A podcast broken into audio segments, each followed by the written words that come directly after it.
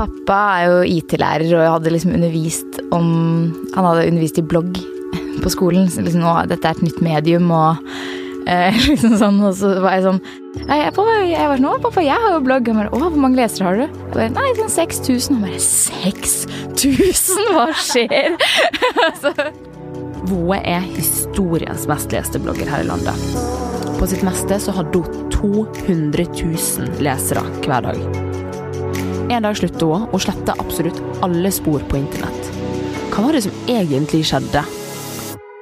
Og hvor er hun i dag, når hun ikke danser Skal vi danse? Velkommen hit, Emilie Njæreng. tusen takk, Kristine. Du gikk for en tid tilbake siden under navnet Voe. Mm. Hva syns du om å bli kalt det i dag? Det går egentlig helt greit, eh, for det er et navn som har hengt ved meg i nesten Altså halve livet mitt, cirka. Mm. siden jeg var tolv år gammel. Så det er, eh, det er, det er helt greit, og jeg har ingen ikke noe som helst negative assosiasjoner til det. Jeg ser at når media eh, nevner deg, deg nå, så står det Emilie Voe Næring. Ja, og det, er- ja, og så er det på en måte litt sånn artistnavn. Det er jo liksom Rampelys-Emilie blir fort kalt Voe, da. Om jeg velger å gjøre det eller ikke. Det er så rart. Voice of Europe. ja, fra Voice of Europe, som nå er lagt ned, så nå eier jeg jo nesten navnet selv. Det er gøy. så ja. Emilie, i 2009 så starter du blogg som 13-åring, og det tar ikke lang tid før du er Norges desidert største og mest leste. Uten å gjøre noe research her, så husker jeg faktisk i friskt minne, fordi jeg fulgte med på eh, topplista på blogg.no på den tida her, du hadde over 100 000 unike lesere om dagen. Ja, sånn av og til. På det beste. Altså, men eh, jevnt rundt eh, 70-80. Det var liksom jevnt. Eh, og i periodevis opp mot 200. Så, og så det, det som var sprøtt også, var at jeg tror folk i snitt var innom bloggen min tre-fire ganger daglig. Jeg hadde så jeg hadde av og til mange, en million treff om dagen, og eh, det var helt var veldig heftig. Det er helt surrealistisk å tenke på. Ja, det er jo faktisk det. Hvordan fikk du til det? Jeg tror jeg Det var en god miks av eh, at jeg var heldig på timing, men også Jeg hadde sånn Nettby-profil. Um, skulle du huske? Jeg hadde Ja, Nettby. Ja. Nettby var gøy. Herregud, det var sånn veldig rart samfunn. Facebook bare åpent og sjekking og veldig rart. Ja? Um, og der husker jeg bare at jeg hadde en sånn populær Nettby-profil. Jeg hadde liksom mange tusen besøkende. oh, grunn. Og så hadde jeg bare liksom direktelink derfra da, til bloggen min. Så jeg tror jeg fikk mye sånn treff derfra. Um, Jeg husker ikke helt hva vi brukte Nettby til, da. Du, eh, vi la ut bilder. Det var helt sånn, det, det var det eneste vi gjorde. ja. Og så kunne man liksom sende, man kunne sende sånn post, eller sende melding i postkassen eller sånt. Og så kunne man gi hverandre premium, og da kunne man havne på toppen, husker jeg. ja, stemmer. ja. Og så kunne man se hvem som hadde besøkt profilen din sist, og det var litt sånn snokeopplegg. Men, eh, så der husker jeg at han hadde en populær profil, så jeg tror liksom at jeg fikk mye treff derfra. Så da blogg.no utvidet topplisten sin eh, fra liksom topp 10 til å vise topp 100, Mm. så var jeg liksom sånn på sånn 30.-plass. Um, og bare fra det øyeblikket, som var en gang i juni, så gikk det bare Så økte jeg med rundt 1000-2000 følgere hver eneste dag. Um, så det var eh, Wow. det var ganske sprøtt. Og jeg husker bare sånn um, at pappa er jo IT-lærer og hadde liksom undervist om Han hadde undervist i blogg på skolen. Så liksom nå, dette er et nytt medium og eh, liksom sånn. Og så var jeg sånn Jeg, jeg, pappa, jeg var sånn Å, pappa, jeg har jo blogg. Han bare Å, hvor mange lesere har du? Jeg bare Nei, sånn 6000. Han bare 6000? Hva skjer? så, og fra det så bare jeg husker jeg bare løp ned i stua hver kveld. Så løp jeg ned bare Herregud, det er 10 000! Og så var det liksom sånn Vi feiret da for hver eneste dag, egentlig. Disse her tidene her, altså, 2009-2010, det var helt magisk. Ja, det var det. Disse årene var helt magiske på internett, for alt var så nytt.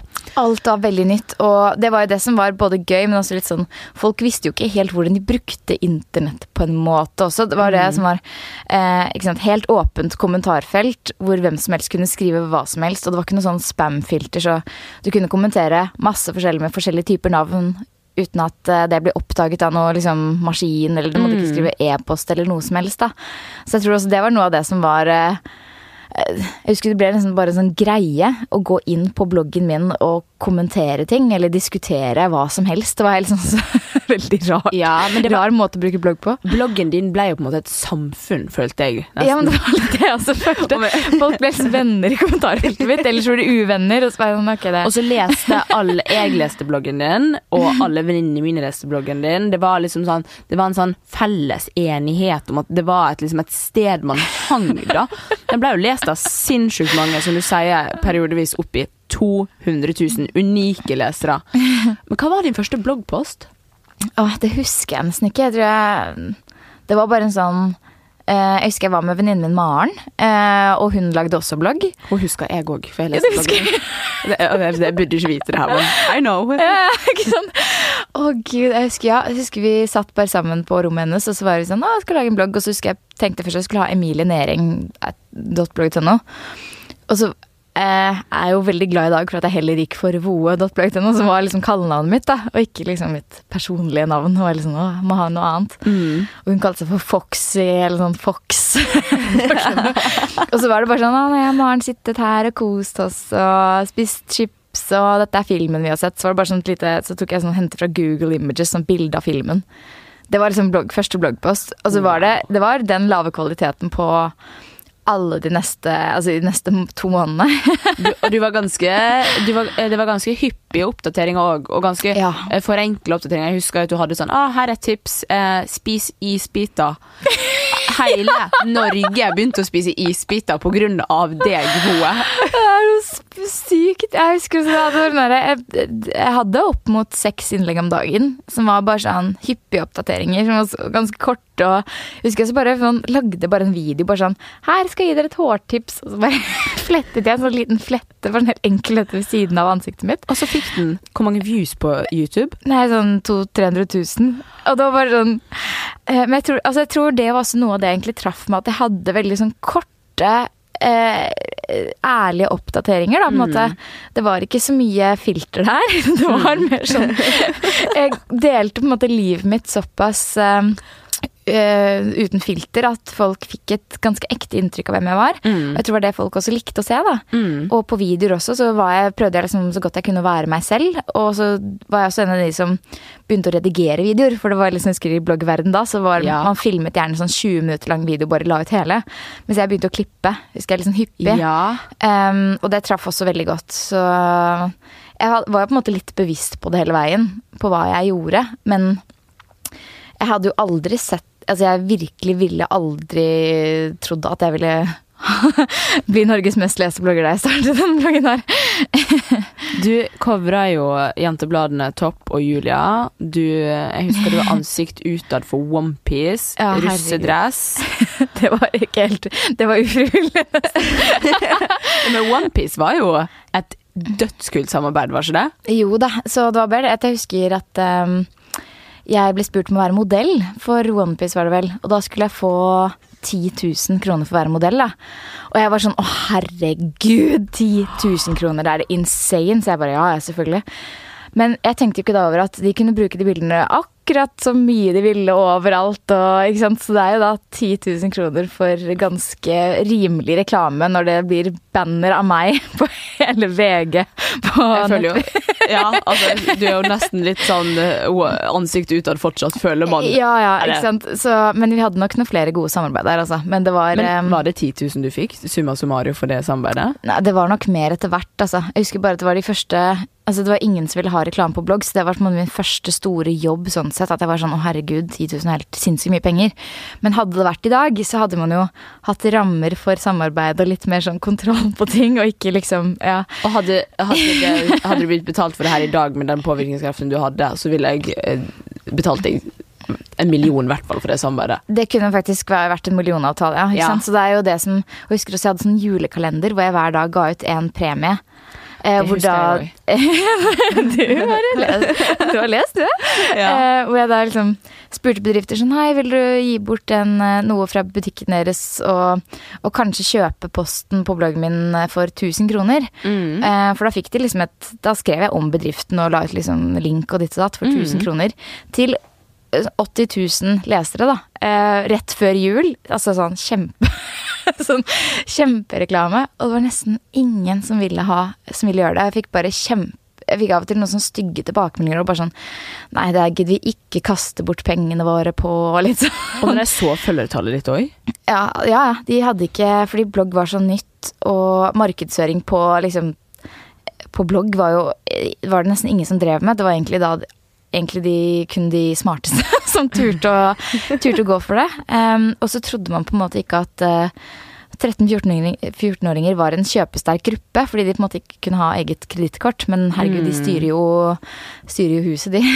Det var, sånn, hva, det var nok blir mange kjøpte som kjøpte OnePiece i den perioden der. Ja, og ønsket seg det til jul, og det var jo, ikke sant så, Sånn sett så har ekstremt mye endret seg de siste ti årene, og jeg har vært med på en veldig sånn spennende utvikling fra et sånn type stadie til der det er nå, da. Um, men jeg tror også det var sikkert eh, det som var Det er jo fint også at jeg ikke gjorde det for pengene. Det var jo ikke liksom Jeg syns jo det var stas å bare det hele tatt drive med noe jeg syntes var gøy, og få eh, måte oppmerksomhet for noe jeg syns jeg var liksom litt god til òg, da. Um, og at jeg kunne tjene penger på det uten å på en måte Jeg blogget jo så mye uansett, så å skrive en og annen liksom reklame på syns jeg bare var sånn fint å kunne tjene penger på det. Um, og, og, jeg, og jeg tror også at hadde jeg tjent kjempe, kjempe, kjempemasse penger, så kan det jo faktisk hende at det hadde fort blitt utnyttet og av eh, altså, ja, At det også hadde blitt vanskeligere å slutte, da. Når det ble vanskelig. Ja. Um, så sånn sett så er det fint at jeg Jeg føler jeg aldri har vært noe drevet av penger. Sånn Nei, og det så man jo. Og jeg tenker tilbake på den tida her. Altså, blogg kommer aldri til å bli det samme igjen, og det er så, det er så trist, fordi at det, det her var liksom en del av oppveksten din. Og det at eh, man satte seg ned Jeg begynte jo blogg ganske eh, Ja, på samme tid, tror jeg. Litt Ja. etter deg. Eh, men jeg holdt jo på et par år før eh, måte, den ble oppdaga. Men Mm. da husker jeg jo at eh, kom hjem fra skolen, og jeg, gleda meg så masse til å blogge. Det, det Ja. blogginnlegg var så utrolig gøy. Jeg husker det, jeg òg. Den der følelsen at liksom sånn Ja. Du skulle Ja, man gledet seg til det. Og i helgene så satt jeg liksom og Jeg hadde arrangert fotoshoot med venninnene mine, og da var det sånn Å, nå skal vi ta nye header-bilde. Ja. Og så styrer man på og liksom var inne i Photoshop. Jeg lasta ned Photoshop ulovlig, og så satt jeg og klona bilder og satt på sånn font, sånn at jeg kunne få med ny header. ja. Og det var liksom bare det engasjementet der, da.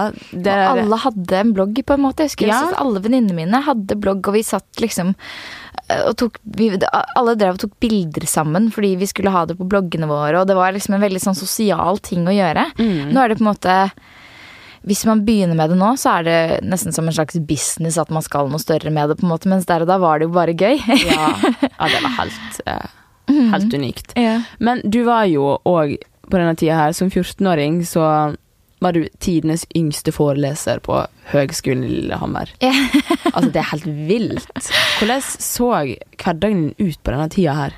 Altså, jeg ehm, Den var eh, veldig fullstappet, for jeg var jo også veldig opptatt av skole. Så jeg var jo Jeg husker ja, jeg sto vel opp i sånn halv syv-tiden, og så var det skole til sånn tre. Rett hjem og blogge. Og så var det kanskje trening, og så var det rett hjem og blogge et innlegg, og så blogge et innlegg til. Eh, Så jeg tror jeg var oppe til rundt klokken to hver eneste natt. Så jeg fikk i snitt sånn ja, under fem timer søvn i hverdagene. Um, og bare var Og hvis jeg hadde ekstra ting å gjøre da med skolen eller med foredrag, eller sånt, så var det, måtte det gjøres før jeg la meg. Så det var um, Ja, det var ganske heftig. Altså, det er ikke rart at man går på en smell måte når man holder på sånn. Nei, jeg tenkte sånn som du holdt på, det var så eh, Du leverte så eh, kraftig, på en måte. Det var liksom, Og folk forventer det òg, på en måte, av deg. Ja, ja, jeg husker det var liksom, Jeg fikk jo veldig Jeg fikk jo høre det hvis jeg, hvis jeg, hadde, hvis jeg hadde bare hadde postet ett innlegg på bloggen Mm. en dag. Altså, og da hadde jeg faktisk postet noe, men hvis jeg da, Altså, det var, hendte jo egentlig aldri at jeg ikke blogget, for da visste jeg på en måte at da ville kommentarfeltet mitt bare, bare være sprengt av folk som på en måte mente at jeg ikke fortjente posisjonen jeg hadde, og det jeg skuffet leseren og sånn. da. Det var sånn du var. Ja, og så var det sånn Nå, altså, nå hadde jeg på en måte Nå ler jeg litt av det, for det er, liksom, det er veldig komisk. Men jeg husker jo der og da at jeg følte et oppriktig ansvar for de som leste bloggen min. Jeg hadde jo lyst til å please dem, og at de skulle være fornøyd, og tenkte nei, stakkars dem som driver og bruker tiden sin på en blogg hvor det ikke er noen nye oppdateringer. Og litt sånn Du er så snill, du. ja. Altfor grei, liksom. Å, herregud. Oh, men, um, mammaen din hjalp deg jo ganske masse. Eller egentlig, Mm. det jeg lurer på, uh, hvor masse tid brukte familien din på denne bloggkarrieren? Fordi at, uh, jeg fikk jo inntrykk av at jeg var veldig involvert. Både sånn, Mm. faren din og broren din på det tekniske og økonomiske. Jeg, jeg veit, jeg har lest bloggen din. Ja. og mammaen din hjalp deg med bilder og Ja, altså det var jo mm, Jeg trengte jo hjelp til spesielt å ta bilder. Mm. Så var, der var mamma helt eh, fantastisk. Altså hun bare tok alle bildene til bloggen min og var med overalt. Altså hvis jeg eh, skulle et eller annet sted, så var hun med for å ta bilder. Liksom. Altså hun var alltid med. Um, og de var veldig veldig opptatt av å ta vare på meg her. Så de prøvde også, de leste jo all mailen min og filtrerte ut gjerne stygge, eller stygge mails eller annonsemails. Altså de prøvde liksom å filtrere mailen min og leste jo alle kommentarene for å på en måte holde, ha liksom oversikt over ting. Men samtidig gjorde det dem veldig, veldig bekymret. Og det smitter litt sånn over, da. Ja. Em, og så var det jo Pappa prøvde vel å ta, eh, ta seg av de fleste liksom, økonomiske henvendelsene, fordi jeg var jo så ung. Så han passet liksom på at jeg satte av penger til sparing og sånn. Så jeg husker bare at jeg fikk sånn slags em, At jeg ga meg selv kun sånn månedslønn, på en måte. Mm. Em, som ble satt over til mitt eget kort, så jeg kunne liksom bruke penger. Men jeg, jeg visste aldri helt hvor mye jeg hadde tjent. Det var liksom ikke et sånt jeg, hadde bare månedslønnen min, jeg. Ja, sånn fra firmaet. Hva sa du? Hvor masse fikk du i månedslønn? Eh, nei, jeg tror vel jeg tok ut 5000 i månedslønn de første året. Mm. Eh, og så av og til så husker jeg var sånn Å, pappa, kan jeg få 10 000? Og det var mine egne penger. Men det var sånn Jeg husker sånn liksom følelsen av at sånn Nå skal jeg på ferie, kanskje jeg vil ha litt mer liksom, penger. Og så var jeg sånn herregud, må jeg spørre pappa? Og så er det, det er mine penger. Men jeg tror det var veldig fint at jeg fikk et slags sånn eh, ja, et sånt forhold til penger at det ikke varer evig, at det er lurt å spare og litt sånn, å bli litt ansvarlig i ung alder, da, i stedet for at det hadde bare vært fri, fri flyt og bare masse penger på konto, så visste jeg egentlig aldri helt hvor mye jeg hadde. Altså, bloggen din i din, din storhetstid, Mm. hva var eh, eh, Hva tjente du på det beste? Det, det er jeg faktisk ikke helt sikker. Eh, jeg tror jeg tror kanskje min beste måned var den siste jeg hadde før jeg sluttet da i 2011. I hvert fall altså på den tiden hvor jeg, hadde, hvor, hvor jeg var på mitt største. Mm. Men jeg tror ikke jeg tjente noe særlig mer enn sånn maks 10 000 i måneden, kanskje. Å ja. Altså 10-20, jeg er ikke helt sikker. Det var, det var i hvert fall ikke noe sånn Og så husker jeg det tok seg veldig opp og opp, liksom. Men det var ikke en sånn eh, Det var ikke noe jeg tjente sånn enormt mye penger på. eh, fordi det var ikke så mange som ville reklamere på blogg på den tiden, rett og slett. Mm. Husker jeg fikk jo litt stæsj, da. Men det, var, det skulle på en måte litt gjøres. At jeg fikk 5000 kroner betalt for en post på den tiden. Ja. Da burde jeg betalt masse meier. ja ja, altså herregud. Men hva skjer med det Men her jeg burde jo Altså Jeg tjente jo mye bedre på å holde foredrag enn på å skrive blogg, på en måte. Ja. Eh, Hva ville du tjene på det? Jeg tror det var rundt eh, 10, 10 000 kroner, 10 000-15 000 kroner for å holde et foredrag. Mm. Tror jeg jeg tok. Så, mm, og, men måte heldigvis så var det jo bare faren min som diskuterte dette her eh, med folk, og ikke jeg. Så derfor jeg har litt sånn lite oversikt. Men det var rett og slett Det var, det var en umodent marked. Det var ingen som Mm. ville reklamere der. Så det var først egentlig da jeg kom tilbake igjen åtte måneder senere, jeg husker jeg hadde en sånn La ned bloggen til og hvor det ble veldig sånn oppstandelse rundt det, fordi ingen så det komme, da. For det her husker jeg. Det her var jo dommedagen i Blogg-Norge. Å, det, her- det her er min barndom. For I 2011 så er jo du på bloggtoppen. Du er Norges aller, aller, aller største blogger. Og så legger du plutselig ned bloggen din. Ja. Hva skjedde? Det var rett og slett eh, at jeg hadde merket veldig, veldig lenge at jeg ikke hadde det bra. Jeg var bare sånn eh, Jeg ble mer og mer paranoid og redd, egentlig. Og kjente en sånn frykt både for å sånn, jeg, var, eh, jeg var ikke noe glad i å gå hjem fra skolen lenger, for det var veldig ofte Altså, alle visste hvem jeg var, og jeg hørte, fikk veldig ofte drittslengt etter meg sånn på vei hjem fra skolen, og litt sånn folk kastet snøball og sånn på meg, og sånn nei. og jeg fikk altså Facebooken min var bare stappfull av eh, dritt. Hva var, det, hva var det det gikk på, da? Hva var det folk erta deg for? Nei, altså det var jo egentlig alt mulig, og det er det som er så sykt sånn Som er så dumt, at man blir man, man blir usikker på ting som man aldri har vært usikker på før engang. For man får sånn, man får høre plutselig sånn Og du har eh, Og du har sånn eh, Det kunne være alt fra sånn at du er stor panne eller stor nese, og du, gjør deg til så sykt, eller du bare Du tror du er så kul, og du tror ditt og datt, og egentlig har du ingen venner, og så kunne du også bare være sånn herre Å, jeg hørte venninnene dine baksnakke deg skikkelig i dag. Bare sånn. Og så visste jo jeg aldri om det var sant eller ikke. Det var, veldig, var mye sånn ja.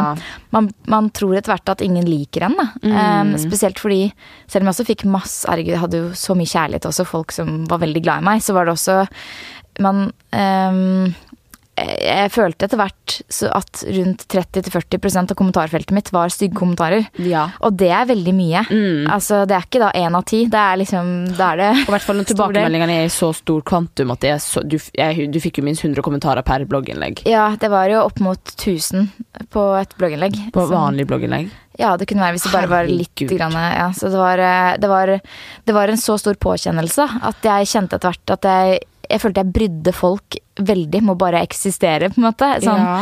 Eh, og da husker jeg bare jeg gikk fra å være en sånn veldig fri sjel som bare delte masse alle slags tips, alle slags blogginnlegg, skrev liksom hva som helst, til å bli veldig styrt av hva jeg mente andre ville ha, eller hva som ble mest riktig, hvor jeg tok på en måte hensyn til alt jeg hadde fått høre, da. Mm. og tok, tok til meg liksom Tenkte sånn, ok, jeg må vise at jeg tar til meg alle tilbakemeldingene. Og så prøvde jeg liksom å lage eh, Ja, forme blogginnleggene mine mye mer. Og det tok jo veldig, veldig, veldig mye mer tid. ja. Um, og så fikk jeg ofte høre at jeg virket så dum, for jeg skrev så korte muntlige setninger. Så jeg var sånn, ok, jeg må bedre språket mitt, og så jeg må bedre bildene mine. Så alt måtte liksom bli mer og mer perfekt, da, på en Og, måte. men, og du ga jo så masse av deg sjøl på alle mulige plan. Du la ut sangvideoer, Ja. du sang på Rådhusplassen, du ga ut en egen singel. Ja, Eh, Du eh, lagde video om alt mulig. Sminke, skjønnhet, du dansa. Mm. Og jeg føler at du ga så utrolig masse av deg sjøl at det var så lett òg å ta deg.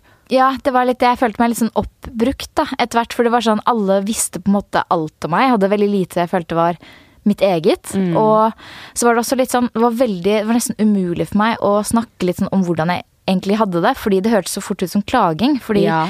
ut, jeg var veldig positiv. Jeg orket ikke å drive og skrive, at jeg, skrive om negative ting egentlig i det hele tatt. Jeg ville at det skulle være sånn hyggelig sted å, å lese da, på bloggen min.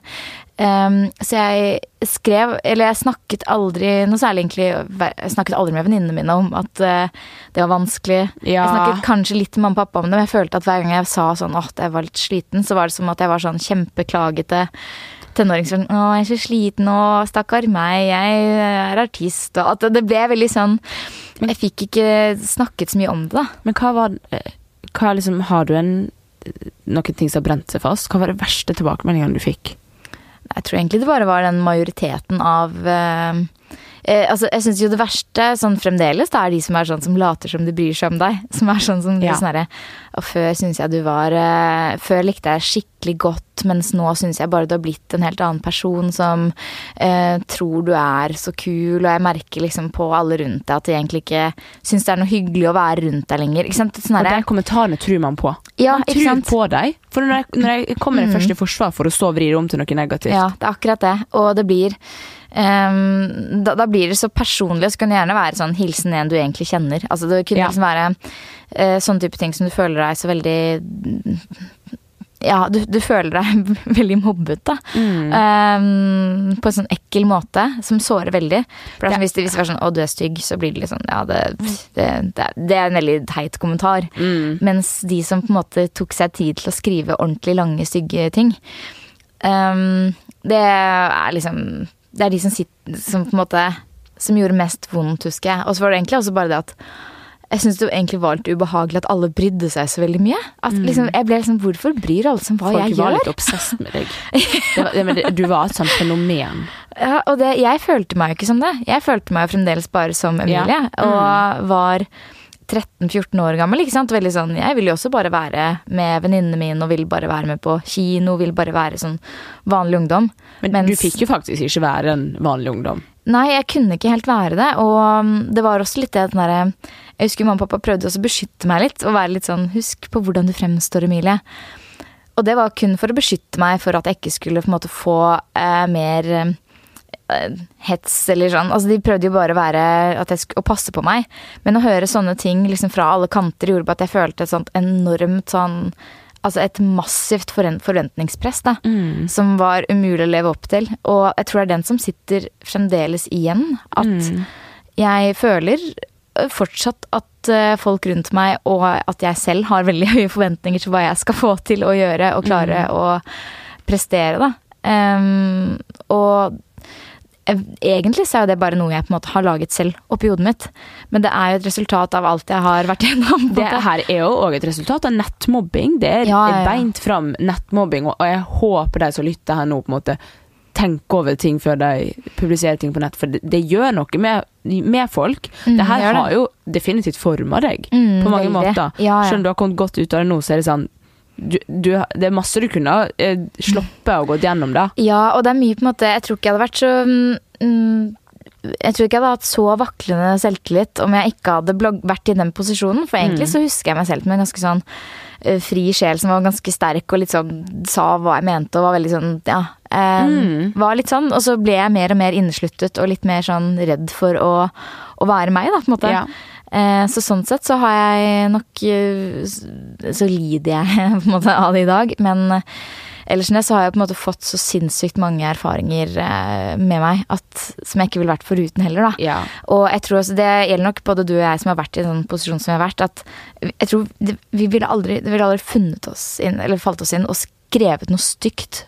Altså kommentert noe stygt hos en annen. Nei. Jeg synes det er helt sånn, jeg fremdeles syns det er helt sånn sykt hvordan noen får seg til Jeg skjønner ikke hvordan man havner på det eh, At man havner foran tastaturet i et kommentarfelt, og der man begynner å trykke på de tastene som er stygge. Nei, ja. Det skjønner ikke jeg. Eh, Ikke jeg heller. Og det er, det er det som har eh, fremdeles på en måte fascinert Som fremdeles fascinerer meg. Sånn at jeg, jeg er veldig sånn Ilegger folk verdi, gjerne. Sånn at jeg tenker at det er et menneske som sitter her og skriver, så blir jeg så alltid Så husker jeg ble eh, jeg blir, kan fremdeles bli overrasket av liksom at folk kan være slemme. da. Mm. Og så lurer jeg alltid på hvem de er når jeg leser Ja. disse kommentarene. Så lurer jeg på sånn Er hun like gammel som meg? Er, kunne vi vært venninner? Ja, det er sånne type Som ting. du sier, så utga det seg ofte så for å være venninne òg. Man blir jo helt sprø av det. Mm. Man, man, man mister jo en del av seg sjøl oppi det. Ja, man mister litt sånn trua på mennesker også. Ja. Um, Men jeg kjenner meg veldig igjen i det. Akkurat det med at um, man blir stiller veldig høye krav til seg sjøl til slutt. Mhm. Jeg har jo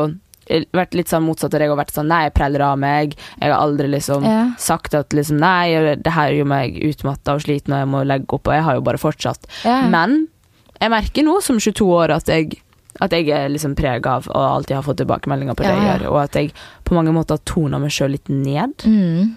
Og det er litt, det er litt synd. Ja, altså det, Jeg syns jo alltid det har vært så inspirerende med deg. At jeg syns det har faktisk virket som om du har klart å, å blomstre til tross for at folk har på en måte ønsket å dra deg ned. At du har klart å på en måte være deg selv. Eh, og tørre å være Og tørre å utvikle deg også. Mm. Eh, og ikke bare stagnere og bli som alle andre, på en måte. Ja. Um, men uh, så Men det ligger nok mer bak. Sånn, Ikke sant? ja, sånn, jeg kjenner meg veldig igjen i det du Mm. sier. Jeg, eh, jeg bærer nok mer preg av det enn hva jeg har lyst til å innrømme. Ikke sant? Og det er det som, er, det er, altså det som jeg tenker er um, Uh, Som også er viktig å formidle til uh, unge mennesker i dag. Da, at det er ikke nødvendigvis sånn at man skal uh, søke seg inn i en sånn influensertilværelse. At det er det som skal være riktig for, for alle. Jeg tror det er veldig mange som har en sånn drøm uten å som de kun baserer på at de tror det er veldig kult og tror det er veldig enkelt, og at man bare det, Utad virker som man bare reiser rundt og får betalt. liksom. Og så er det bare sånn det er, det, er, det er jo ikke sånn det er i det hele tatt. Jeg hadde faktisk eh, Jeg satt på T-banen for noen uker siden, så kom det ei sikkert sånn tolv år gammel jente bort og spurte sånn Kan du hjelpe meg å bli influenser? Hvordan blir det det? Så var jeg sånn Åh, jeg bare kjente at hjertet mitt sank litt. Mm. At, eh, jeg synes det, er veldig, det er jo en fin bransje, og jeg er jo kjempetakknemlig for muligheten og alt det jeg gjør. Jeg elsker det, men åh, at det er liksom det man sikter seg mot, da. Skjønner Ja, du? i så ung alder. Fordi jeg tenker også det er noe, måte, det er noe litt annet å velge det i voksen alder enn som Mm. du og jeg som på en måte valgte det veldig veldig tidlig uten å ha utforsket noen andre muligheter først. Mm. eh, og at man på en måte man skal være ganske langt oppe i toppen der for å tjene godt nok, så, eller like godt som en vanlig fulltidsjobb, på en måte. Mm. Um, Ja. Så det er, det er på en måte man tror kanskje det er mer penger i det enn det, enn det er, hvis man tenker på hvor mange som driver med det. Og, ja. Ja, jeg, men jeg tror jeg sier noe der. Jeg tror definitivt at folk tror at det er sånn For hver gang en stor Instagram-profil legger ut et Insta-bilde, så får man 50 000 kroner. Det er ikke sånn det funker. Det er eh, Du skal betale skatt, og det, du skal fordele lønna på det du jobber med, og det er mange ledd og Ja, ikke sant. Det er litt sånne ting. Så, og også det på en måte å finne en slags um, Jeg tror det som er litt sånn skummelt med sosiale medier nå, at mange tror at um, Så finner en At de, folk sliter å finne en verdi i seg selv som ikke er basert på hva eh, andre mener Altså, ja, man er veldig opptatt av hva andre mener om en, og hva andre tenker på som suksessfaktorer, og veldig opptatt av på en måte det som synes, em, kontra egentlig eh, hva man liker å gjøre, og hvordan man føler seg best, og um, ja, jeg tror det er liksom skummelt at mange tenker at man ikke er verdt mer enn antall følgere man har, antall likes, liksom hvor synlig man er der. Um, som egentlig ikke har noen betydning. Det er litt det, er litt det som er sånn eh, sånn Følgertall og likes har jo ingen betydning egentlig i det daglige liv. Det er bare sånn vi ilegger en eller annen sånn form for status som vi tror er veldig viktig. Um, og det er, er derfor jeg syns syns det er dumt at man ja, ikke finner liksom sånn like mye glede i de helt vanlige hverdagslige tingene mm. lenger, da. Ja, Eh, fall, det, det er det er i hvert fall den retningen jeg føler det går. Ja. Og eh, man, blir, man blir ikke lykkelig av å få mange følgere. Det er på en måte ikke, Man blir ikke lykkelig av å bare tjene mye penger. Det er på en måte sånn Man må finne noe annet man syns er engasjerende å drive med. Mm. Det er rart, det med, ja, som du sier, med følgetall. Det, det er jo på en måte bare helt virtuelt. Det er jo ikke, Nei, det er ikke ekte. Nei, ja. Og så lager man jobb, og man lager verdier på det, og man lager et liv ut av det. Og bare, Ja. Det er helt Det er helt sprøtt. Ja, men eh, eh, jo, du la opp bloggen i 2011, men så Mhm. begynte du igjen Ja. ganske kort tid etter. ja. Hvorfor det? Det var jo altså sånn når man slutter å blogge Jeg hadde jo pushet ut fire-fem innlegg om hver eneste dag, så hadde jeg plutselig bare sånn Ingenting å gjøre, følte jeg. Det var sånn Hæ, har jeg pleid å ha så Eller jeg hadde plutselig ingenting å gjøre på en hverdag. Eller jeg hadde liksom Mm. bare skole, og så var det sånn Oi, ingenting. Um, og så kom jeg meg ganske kjapt. Det var sikkert litt med det òg, at jeg var på et ganske dårlig sted da jeg sluttet. Og så kom jeg meg ganske fort opp igjen. Jeg begynte liksom å glemme at det var slitsomt, eller eh, Ja. Um, og så husker jeg også det var noen debatter som gikk som jeg følte at jeg ikke fikk tatt del i. Og jeg husker for eksempel ehm, Hva debatter var det? jeg husker for eksempel eh, Ølløv. Husker du hun? Ja. Som ble så heftig mobbet. Ja, Um, det var helt vilt. ja, og det var etter at jeg hadde sluttet å blogge. Og jeg husker jeg ønsket sånn veldig sånn Åh, jeg har så lyst til å på en måte støtte henne. ja. Ja, ta henne i forsvaret og på en måte Mm. være på hennes side og eh, gjøre at tenk, Altså, hun er ikke alene her, liksom, tenkte jeg. Og så var jeg på en måte så ute av den bloggverdenen jeg ønsket. Jeg visste at herregud, hvis jeg tar og skriver et innlegg på den bloggen nå, så blir det oppstandelse. Jeg orket på en måte ikke å gjøre det heller. Mm. Så jeg var of veldig ofte i en slags sånn eh, Jeg følte fremdeles jeg hadde en fot inn, innenfor ved at jeg hadde fremdeles en stemme, selv om jeg hadde trukket meg ut. Mm. Eh, men jeg hadde valgt å liksom, ta et steg utenfor også. Og, um, så derfor jeg ønsket å starte igjen, da. eh, Mm. åtte måneder senere. Men hva var annerledes denne gangen her? Det var rett og slett at jeg hadde en egen Jeg hadde liksom eget domene, og ikke blogget.no. Og jeg hadde Broren min hadde også laget sånn eh, plattform som Blogget. Ja, blogget, som skulle selge, selge reklame for meg. Eh, så det var eh, Jeg følte at sånn sett ville det være ordnede forhold på at jeg kunne tjene litt penger på det òg. Mm. Fun fact. eh, Mhm. Storebroren til Emilie var min sjef i en periode. ja, Jeg var under samme plattform. det er veldig gøy, egentlig. Det er veldig gøy. Um, så da følte jeg på en måte at litt mer ordnede forhold. Jeg husker at jeg hadde Facebook-innlogging i kommentarfeltet. Ja, det husker jeg. Og det var sånn jeg skjønner, da, da mistet jeg jo nesten all, Altså det var veldig få som kommenterte plutselig, men jeg ville jo heller ha få og veldig hyggelige kommentarer enn Mm. eh, mange stygge. Så ja. Ja. det var jo ganske stor forskjell. Og så var jeg sånn, tenkte at jeg skal blogge to ganger om dagen maks. på en måte. Jeg skal ikke drive og pushe ut så mye innlegg som jeg gjorde før. Og så var det litt mindre personlig.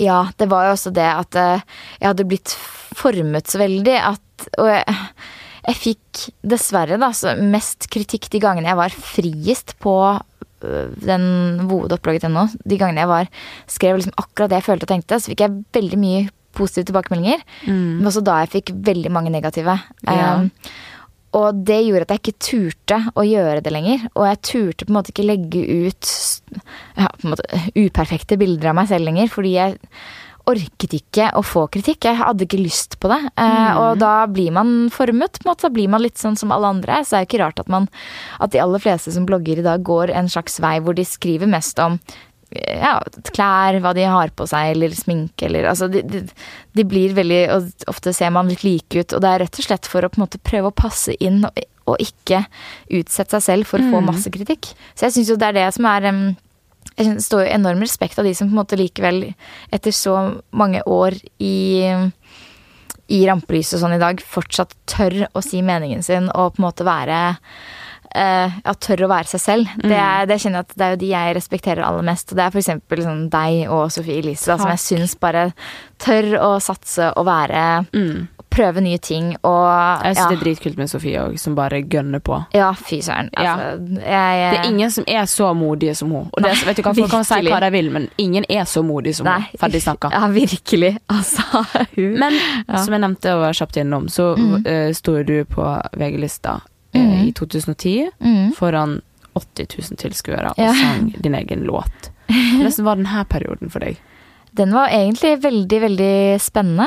Um, men det var også sånn, på en måte litt sånn ensom, fordi det var også i den perioden her merket mer og mer at um, jeg følte meg litt alene, da. I, i alt jeg gjorde. Og jeg var liksom artist alene. Jeg var blogger alene. Jeg satt Ja. og blogget uh, alene. Jeg var veldig Jeg hadde heldigvis liksom ehm, Jeg drev jo med cheerdance. Jeg hadde på en måte et sted hvor jeg var veldig sånn hvor jeg hadde venninnene mine og hadde en hobby som ikke handlet om bloggen. da.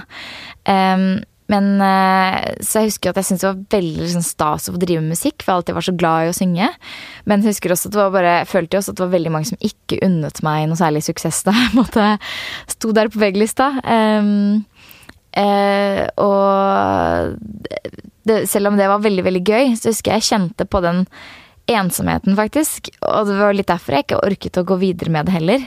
Selv om jeg husker jeg og David Eriksen spilte inn faktisk flere låter som var ganske kule. Oi, du kule. ja, Men det var noe med det at rundt meg der så var det bare voksne. Jeg var 14 år gammel, ikke sant. Og jeg jeg kjente liksom at jeg Jeg trengte litt det å bare være litt sånn ungdom, da. Og det var veldig få artister. Altså, det var egentlig ingen artister som var 14 år gamle på den tiden. Um, så jeg hadde ingen andre jeg følte jeg kunne dele det med. Så det var um, uh, litt den derre Jeg følte jeg alltid var yngst, da, uansett hva, jeg gjorde. og alltid Det sånn som ble litt sånn, ja. Alltid sånn så ble litt sånn ensom i det. Mm. Så um, det var da jeg også merket, selv om det var en sånn veldig spennende periode hvor jeg gjorde helt sinnssykt mye, så var det også en periode jeg prøvde å finne meg selv, ikke sant. Var Ja. ungdom og var liksom, ja Hormonell og alt det der på en gang. Så det var en ganske heftig periode. Etter videregående så flytter du til Oslo, og du eh, begynner på en bachelor i markedsføring på ja, Westerdals. så stemmer. Hvorfor det? Det, var, altså, det, er, det er sånn det litt er, da. Det har jeg tenkt på mye i etterkant. At man hele livet på en måte prøver å finne én retning som skal være den retningen du skal gå. Eh, man føler man er sånn eh, Velger en vei, og det er liksom Dit er jeg på vei, og det er riktig. Og jeg tenkte liksom at ja, jeg skal drive med noe enten mediemarkedsføring ish. Altså sånn. Det er det jeg har drevet med i alle år. Um, så jeg hadde egentlig bare søkt meg til Danmark, for jeg hadde litt lyst til å komme meg bort.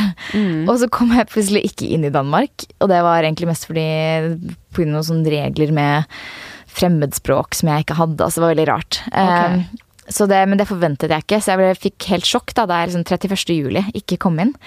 Og da hadde jeg jo veldig kort tid og var litt sånn shit, jeg vil jo gjerne studere, for jeg har ikke lyst på et friår nå hvor jeg bare blogger, på en måte. Jeg vil gjøre noe annet, da. Mm. Så fant jeg liksom sto mellom BI og Westerdals, som var liksom privatskolen, og bare gikk for uh, Westerdals. Um, Trivdes du? egentlig ikke, eh, men jeg traff oh, ja. I fadderuka så traff jeg kjæresten min, han jeg er forlovet med nå. Torgeir? Ja, så oh, det ja. var veldig Det var veldig riktig valg, sånn sett. Men jeg merket ganske fort der at jeg ikke egentlig brydde meg så mye om markedsføring. Så, sånn, jeg var litt sånn Da vi, lær, liksom, da vi lærte om liksom, at å, du kan selge så mange liksom, Det er så mye du kan få til å selge bare ved å bruke sånne enkle triks, så var jeg liksom sånn Ok, I don't give a shit, egentlig. Liksom. Og, du, og du, har vært, du har på en måte vært et produkt som jeg sitter og snakker om. Ja, ikke sant? Det, det, er litt rart og feil, nesten. Ja, det, blir, det er akkurat det òg. At eh, jeg husker jeg ble spurt om å holde forelesninger i bloggmarkedsføring litt sånn, og jeg kjente at jeg var sånn Ja, men jeg er jo her for jeg vil være student, egentlig. Litt sånn. Oh, ja. eh, og så var det også sånn jeg husker ene, Det ene semesteret så var et av hovedoppgavene jeg skulle lage blogg. og jeg kunne liksom bruke min egen, så var det liksom sånn Ja, da du, jeg har, har jeg gjort det, da. Jeg har eh, åtte år med arkiv her. Ja, ja, ikke sant? Fire blogginnlegg om dagen, 365 dager i året. Ja, så, Og så merket jeg plutselig at jeg syntes det var ganske overfladisk, egentlig markedsføring er innmari sånn Altså, det, det, å pushe på folk produkter er egentlig noe jeg ikke syns Jeg liker ikke det. Nei. Jeg, Enig. Ja, altså, Å, sånn, takk. Ja, men det er litt der jeg husker liksom at jeg var sånn uh, For eksempel solgte barberhøvler eller solkrem eller sånn på bloggen min, da. Så var jeg sånn herre Jeg følte Blir jo aldri ble ikke så stolt hvis jeg hørte at jeg hadde solgt liksom 400 barberhøvler via min blogg. Nei. Så var jeg sånn det har ingen betydning for verden i det hele tatt at folk kjøper barberolje via min blogg, og at jeg får folk til å barbere leggene. Så jeg kunne ikke brydd meg mindre om folk vil liksom gå La håret vokse, liksom. Vær så god, gjerne det. Ikke sant? Og så det ble på en måte en sånn herre Det å leve av en sånn type markedsføringssalg jeg, jeg, trivdes på en måte plutselig ikke så mye med det, da, merket jeg. Og det forstår jeg skikkelig godt, for det, de gangene jeg har vært på seminar eller vært på foredrag om markedsføring, eller mm. desto mer folk prater om det, desto mer stressa blir jeg. Ja. For jeg blogger fordi jeg syns det er gøy, og så ja. begynner folk å lage liksom sånn Å ja, men sånn burde du gjøre, og, og uh, ja, sånn gjør du hvis du har lyst til å selge masse, og sånn utvider du bedriften din. Så blir jeg bare sånn Æh, jeg blir kjempestressa, for det, da føles det som at det føles litt som at um, hobbyen min blir tatt litt ifra meg, da. Mm, det gjør det. Som jeg har ingenting imot å tjene penger på det. Altså, åpenbart det er jo levebrødet mm. mitt, og det har vært det for deg. Mm. Så er det sånn Det er bare utrolig rart at noen skal liksom kommersialisere måte, noe som står deg veldig nært, da. Ja, ikke sant. Og så er det også litt sånn Um, etter hvert så er det bare det er, De som vil reklamere på blogg, er også gjerne ting som de som skal selge noen sånn skjønnhetsprodukter. Og, liksom, og ja. selv om det da det ikke er det man egentlig engasjerer seg for, så er det det man Man tar det man får. Man har lyst til å leve av det også. Um, så det var egentlig den perioden her hvor jeg også fant litt ut at um, dette ikke var helt for meg. Jeg begynte liksom at Den tanken slo meg litt mer. Mm. Og så merket jeg på en måte at jeg brukte all min tid ellers utenom studiene og blogg og sånn, så leste jeg egentlig bare om eh, trening, helse, mat og elsket liksom å lage mat. Og så begynte jeg å tenke sånn Hvorfor studerer jeg egentlig ikke noe jeg syns er interessant? og så var jeg bare sånn Ernæring er egentlig liksom læren om mat og sammenhengen der med kroppen, og det er litt kult. Så, var jeg litt sånn, så da bare valgte jeg sånn å gå for det, da.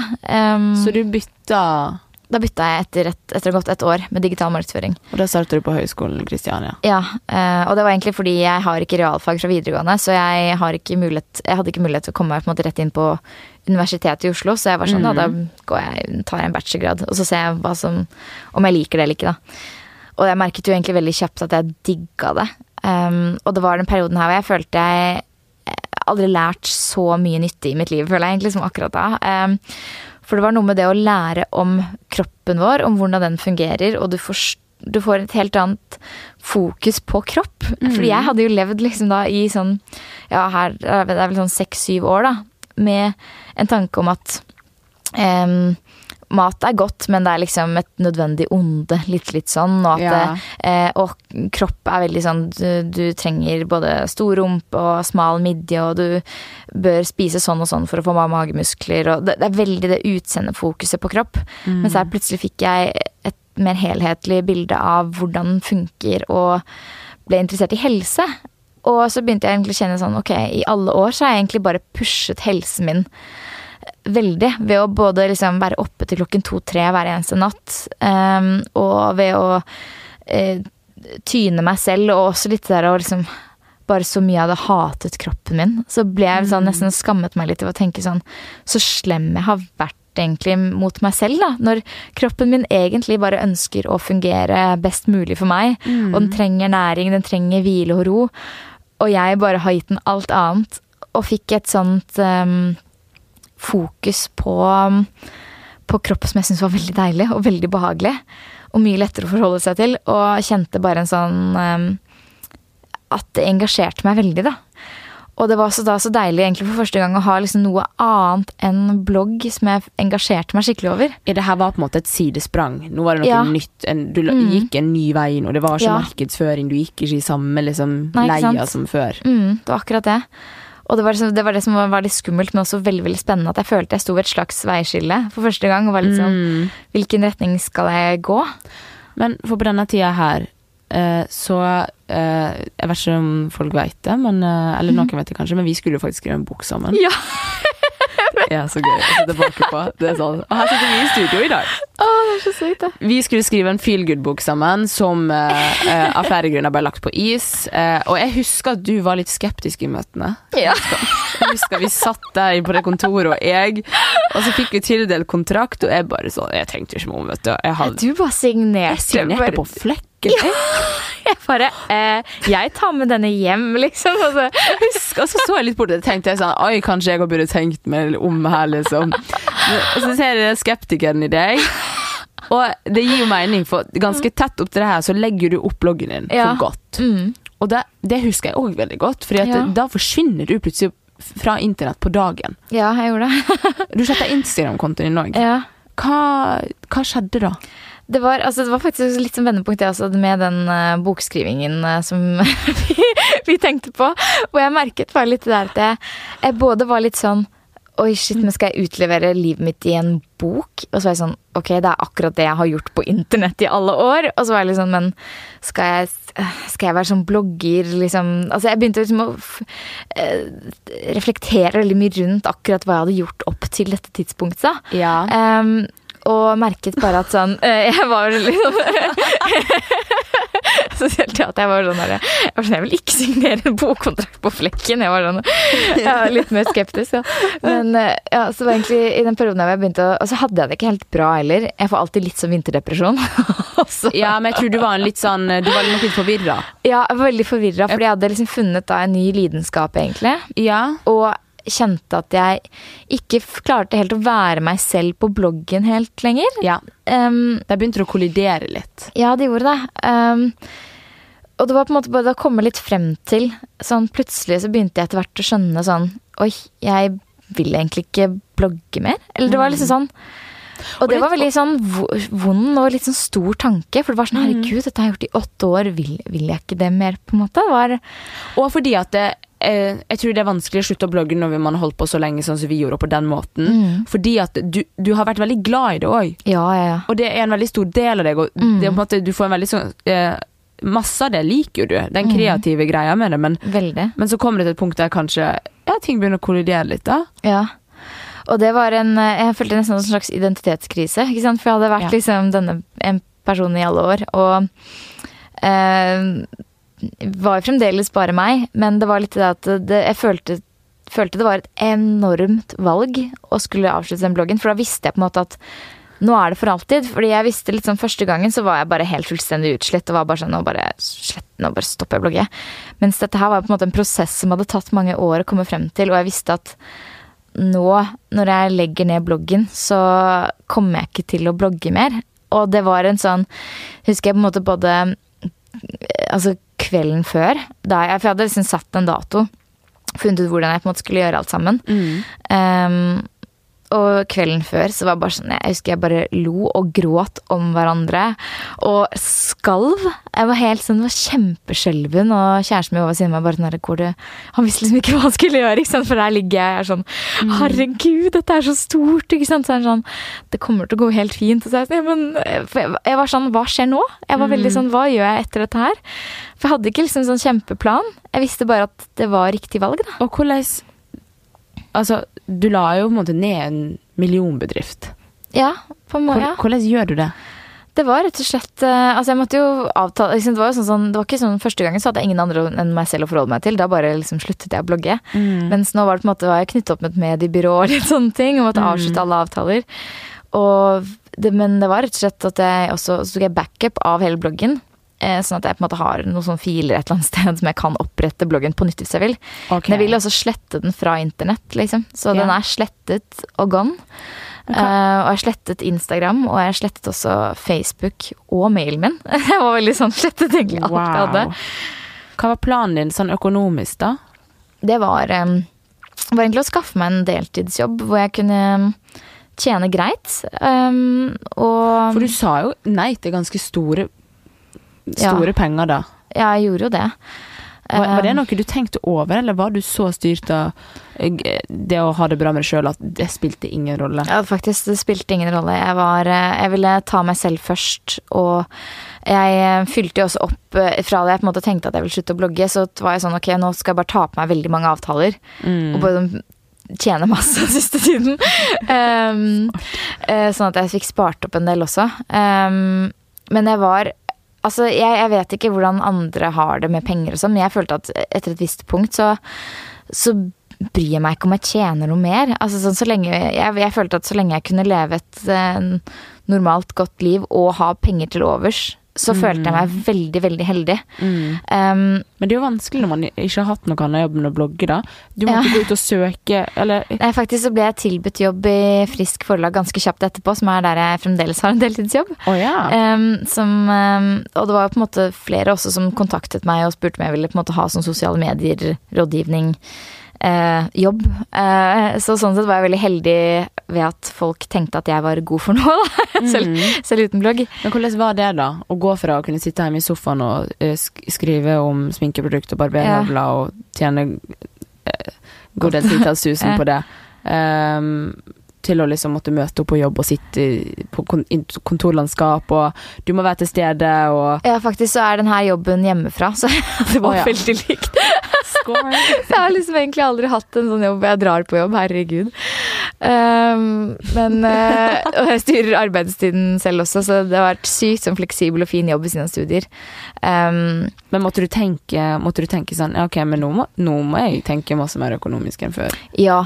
Um, og samtidig så er jeg da veldig heldig med at jeg fremdeles er som den 13 år gamle jenta som følte at hun som måtte spørre om månedslønn, liksom. Eh, som er eh, Har på en måte hatt et jevnt forbruk som ikke har vært spesielt høyt. Mm. Jeg har vært sånn hele tiden. Jeg har aldri på en måte kjøpt sånn så veldig mye dyre vesker og på en måte Jeg har ikke hatt et veldig høyt forbruk, Mm. men levd godt. Eh, så mesteparten av pengene mine går på en måte til mat og leilighet og litt klær her og der, på en måte. Men heldigvis vært fornuftig, så jeg ikke har måttet det har ikke liksom gått veldig nedover med meg, liksom. Selv om jeg sluttet å blogge. Um, for jeg hadde ganske fornuftig pengebruk. Jeg tror det er verre hvis man Så bruker rundt 50 000 i måneden, liksom. Ja. Da tror jeg Da bør man opprettholde en sånn type inntekt også. ja. ja det, det skjønner ikke. Nei. Altså, jeg bruker kun penger på mat. Liksom. Det Ja, det eneste. Og litt interiør. Nei, jeg er så Jeg kjenner i hvert fall Det har tatt Altså de siste to-tre altså Etter jeg sluttet nå, da, for to og et halvt år siden, så har jeg jobbet veldig mye mentalt. Fordi det har på en måte vært veldig mye som har hengt igjen uh, av ting som jeg ikke har klart å på en måte bearbeide helt. Hva er det som henger igjen da? Hvilke tanker er det? Nei, det var for eksempel sånn Da jeg sluttet å blogge, så, jeg, så var jeg veldig, veldig flau over alt jeg hadde gjort. Det var veldig sånn, Jeg en, følte en slags skam over hvem jeg hadde vært, nesten. Det var veldig ubehagelig å ha det sånn. Jeg følte Oi. veldig sånn Oi, jeg har vært liksom en sånn eh, eh, Vært liksom eh, Delt hele ungdomstiden min med alle og vært liksom sånn blogger, og alle vet alt om meg. Og var veldig sånn Kritiserte meg selv veldig, veldig hardt. Eh, og, på, og jeg har alltid vært altfor sånn, veldig sterk kritiker av meg selv. Og jeg tenkte at det var knyttet til bloggen, men selv da jeg sluttet å blogge, så fortsatte jeg å være veldig kritisk til- til alt jeg gjorde. Ja. Og merket, og jeg ønsket jo ikke å ha det sånn, så jeg var veldig sånn Hvorfor er jeg fortsatt så streng med meg selv? Hvorfor er jeg eh, Hvorfor pusher jeg fremdeles det at jeg må eh, trene så hardt og se så bra ut, liksom? Når jeg ikke har Nå har jeg ingenting å se bra ut for lenger. Nå er jeg liksom nå er jeg, jo ikke, jeg skal ikke ta noen bilder av meg selv, da. Mm. Um, så jeg prøvde å jobbe veldig mye med det. Og det har eh, Så jeg gikk liksom psykolog og sånn, uten at det var bare sånn der, Jeg fant ikke så mye ut av det. Før jeg nå egentlig i sommer traff en som har vært bare så sykt flink. Veldig sånn eh, Var hun er veldig sånn behandlende og stiller veldig de riktige spørsmålene. Og satt meg i veldig mange situasjoner hvor jeg på en måte er nødt til å snakke til meg selv, for eksempel, med den kritiske stemmen. Mm. Og sette opp sånn bekymringskart og litt sånne ting som har gjort at jeg bare har blitt sånn veldig bevisst på tankene mine og skjønt at oi, jeg har et sånn destruktivt tankemønster som jeg har hatt hele veien. da. Kan jeg spørre, hva Ja. fant du ut av det da, eller? Ja, og det er det som er helt fantastisk, at sånn nå så er jeg på et så godt sted med meg selv som jeg aldri har vært før. At det er, eh, det, er, det føles helt fantastisk å ha funnet sånn um, Jeg har funnet en sånn stolthet i alt jeg har drevet med opp til nå. Jeg føler liksom at alt jeg har gjort i livet, har uh, ført meg hit. Og jeg er veldig stolt over alt jeg fikk til med, med bloggen. Um, og at jeg fremdeles på en måte har kommet Jeg følte jeg virkelig, virkelig har kommet styrket ut av det. Og jeg føler meg sånn Ja, virkelig takknemlig som er i den posisjonen jeg er i dag. Og eh, før var jeg på en måte sånn litt sånn redd for mennesker, og kjente en sånn frykt for at liksom eh, Egentlig bare basert på alt, eh, alt jeg hadde opplevd, ikke sant, all den kritikken jeg hadde fått. Så var jeg veldig redd for mennesker og hadde litt sånn Følte at folk ønsket meg eh, kun det verste. Mens nå er jeg på et punkt hvor jeg kjenner sånn jeg tror faktisk at folk unner meg gode ting. Og at eh, jeg har en skikkelig troa på menneskeheten. Også på den matinstaen jeg har nå også nå, så får jeg bare så mye koselig. Og jeg kjenner meg bare sånn takknemlig for dem som har faktisk fulgt meg i alle år og støttet meg. Og jeg klarer mye lettere nå. Jeg har 100% fokus på de menneskene kontra de som ønsket å trekke meg ned. Wow. Og det er bare sånn eh, For meg er det bare helt sånn Jeg er så stolt og rørt og glad og takknemlig for at jeg klarer å være her nå, da. For jeg har liksom hatt så mange perioder hvor jeg har vært så langt nede at eh, det å på en måte føle at jeg er her nå, det er sånn jeg jeg bare setter meg ned hver kveld og kjenner på det. Bare sånn shit, det her må jeg huske å kjenne på. Og liksom bare, man, man har veldig lett for å på en måte ta de øyeblikkene litt sånn for gitt. Um, Men det jeg syns Ja, for det, jeg forstår det så sinnssykt godt, for det, når man ser på den mat-insta-kontoen din nå på Instagram eh, Mat-insta-kontoen, veldig bra. Hilsen influenser Kristine Ullebø. Um, det er jo så gøy å se på dette.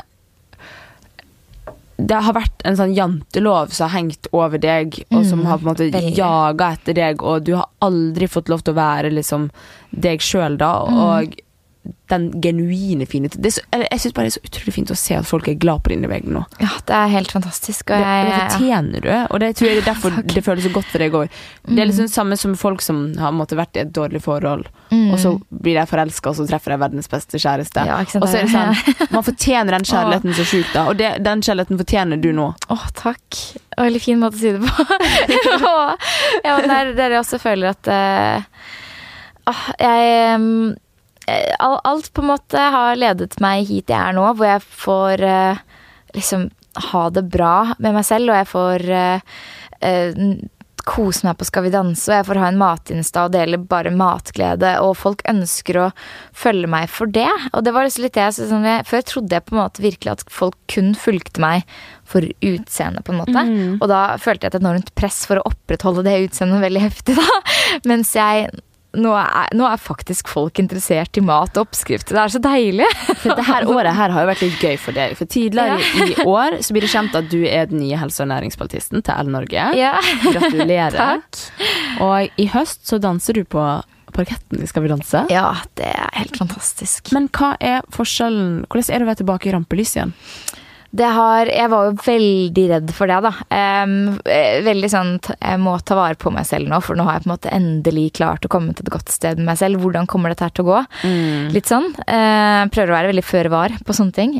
Og så har det bare gått så bra. Og jeg føler bare virkelig at um, dette er noe jeg har drømt om i alle år, å være med på det programmet. Jeg syns det virket så gøy. Jeg har alltid sett på det. liksom, og bare, åh, det er sånn, Jeg har hatt så lyst til å være med.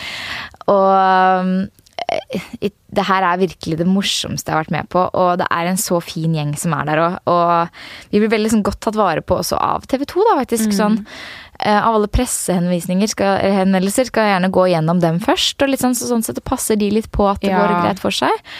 Um, Ja, de er flinke. Jeg Ja. husker jeg, eh, når jeg gjorde bloggene, så fikk jeg jo tilbudt psykolog. Det er jo normalt, Ja. men jeg bare husker jeg satte så sjukt stor pris på det. ja, ikke sant. Der, der du får liksom sånne Du, du får hjelp, da. Um, og så er det også litt sånn Det er noe annet å være rampelyset når jeg har det så bra med meg selv. Ja. enn når jeg ikke har det bra med meg selv. For eh, nå føler jeg faktisk at jeg har klart å eh, finne en styrke i meg selv som ikke avhenger av hva andre mener.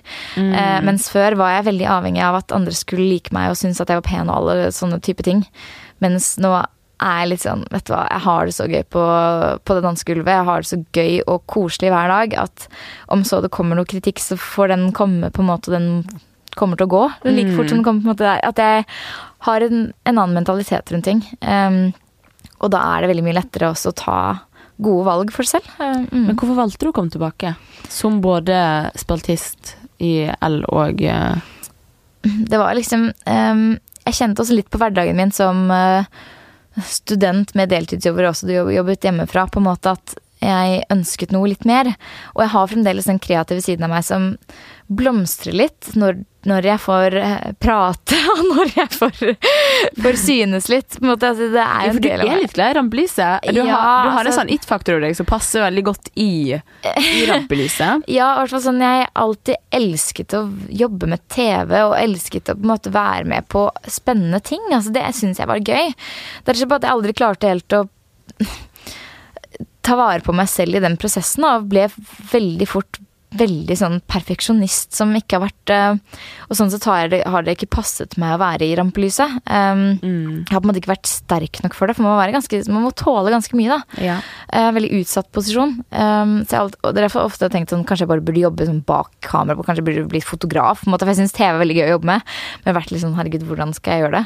Men, um, Men det er stor forskjell på å gjøre reality der du må by på deg sjøl. ja, det er det. nå handler det om dansing. Ja, I, I L så handler det om maten og helsen. ja, det er det. Jeg føler jeg kan jeg har mye mer kontroll på hvor jeg ønsker at fokuset skal være. Ja. Og det er um, føles godt å være litt, i litt sånn kontroll, da. Um, og at jeg fremdeles hver dag ikke Jeg, jeg føler ikke jeg utleverer meg selv hver dag som jeg gjorde da jeg blogget.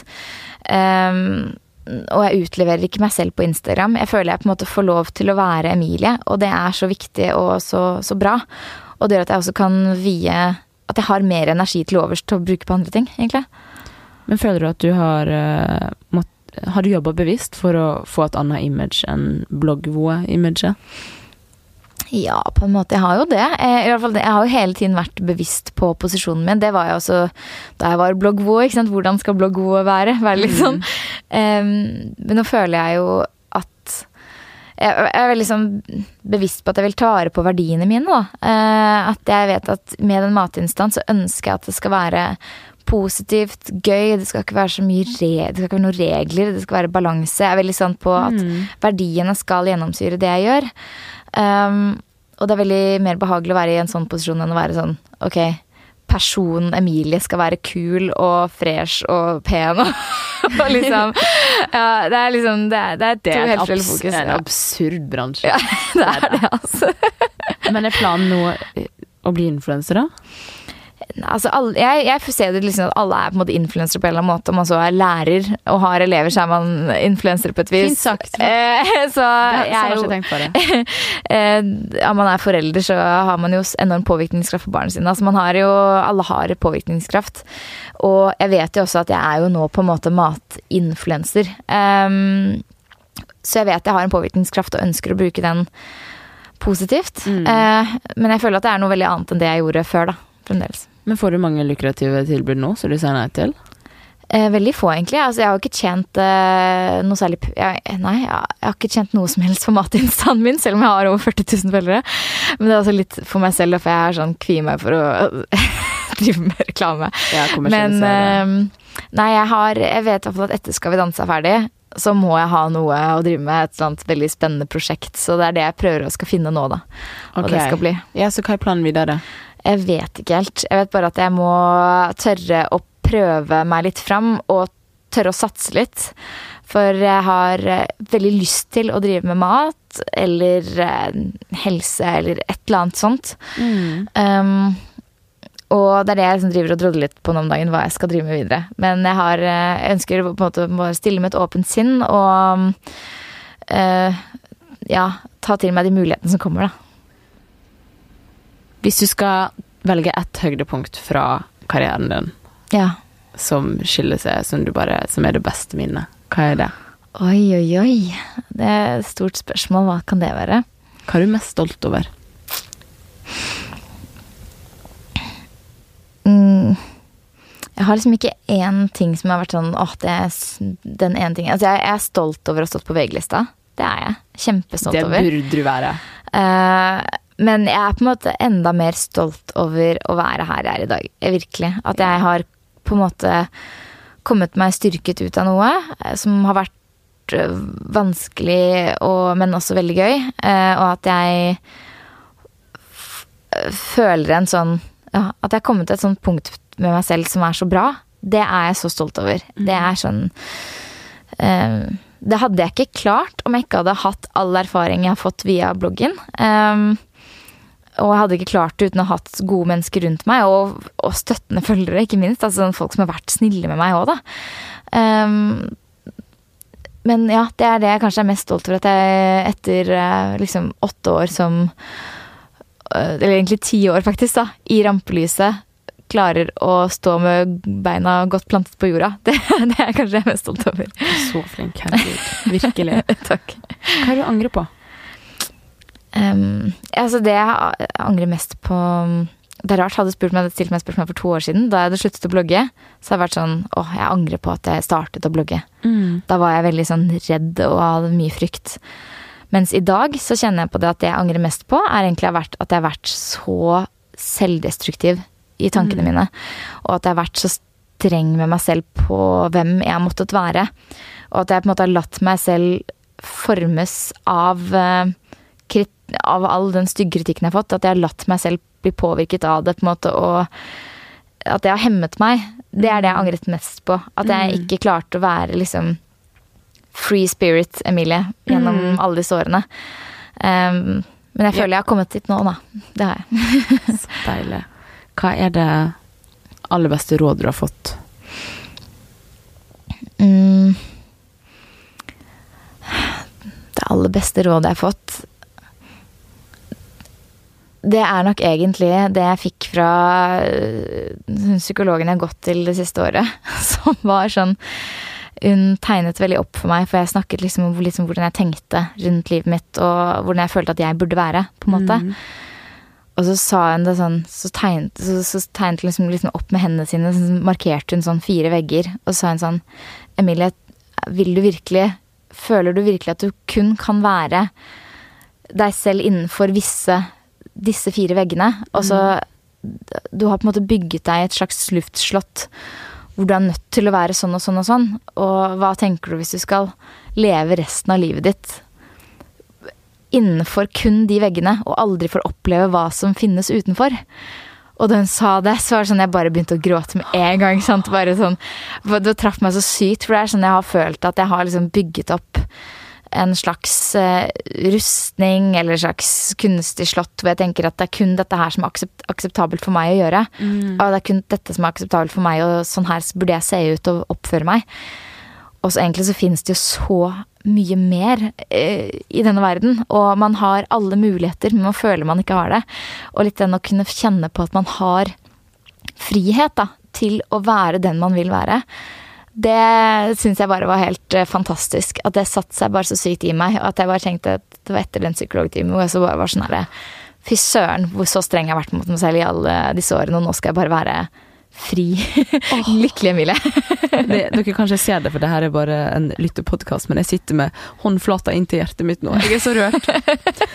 Hva er ditt aller beste tips avslutningsvis? Ja, det må være at man bare må eh, Altså Bare Sånn- ja, virkelig ja, tørre å være seg selv og gutse på og bare finne en styrke i seg selv. Um, Ut ifra hva man syns er gøy å gjøre, og hvem man føler man, hvordan man føler man klarer å blomstre. Det er det du skal klare å fokusere på, og ikke liksom alt annet stress og mas om andre ting.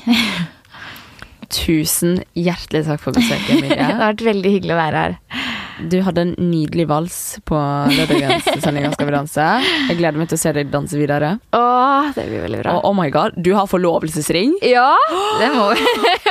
Oh my god! Den er veldig flott. Den er så fin. Ja, Er du redd for å Den sitter litt løst, da. ja den, jeg må ta den igjen. Den er altfor stor. Ja, oh my God, tør du gå med den? Ja, og det var sånn jeg glemte den på dansesenteret her i går. Og jeg, var sånn der, jeg kom hjem til torget og bare Unnskyld! Jeg glemte den igjen. Så jeg er sånn Jeg burde jo ikke ha så dyre ting at Guri. Men uh, ja, jeg skal ta den inn, og da sitter den forhåpentligvis skikkelig godt fast. Jeg føler liksom at uh, det er så rart, for det er ikke lenge siden jeg satt og spiste isbiter på, på grunn av bloggen din og lagde samme flett i håret mens jeg så på videobloggen din. Her sitter du nå liksom og Du er forlova, da? Ja. ja. Altså, vi er det. Ja, tiden flyr. Og ja, jeg føler meg liksom så sykt heldig, herregud, for liksom være med på så mye gøy om dagen og komme hjem til liksom verdens beste mann som jeg er forlovet med. Og bare, ja, virkelig livet smiler. jeg gleder meg veldig til å se hvor veien går videre for deg. Å, takk. Jeg gleder meg for deg òg. Tusen takk.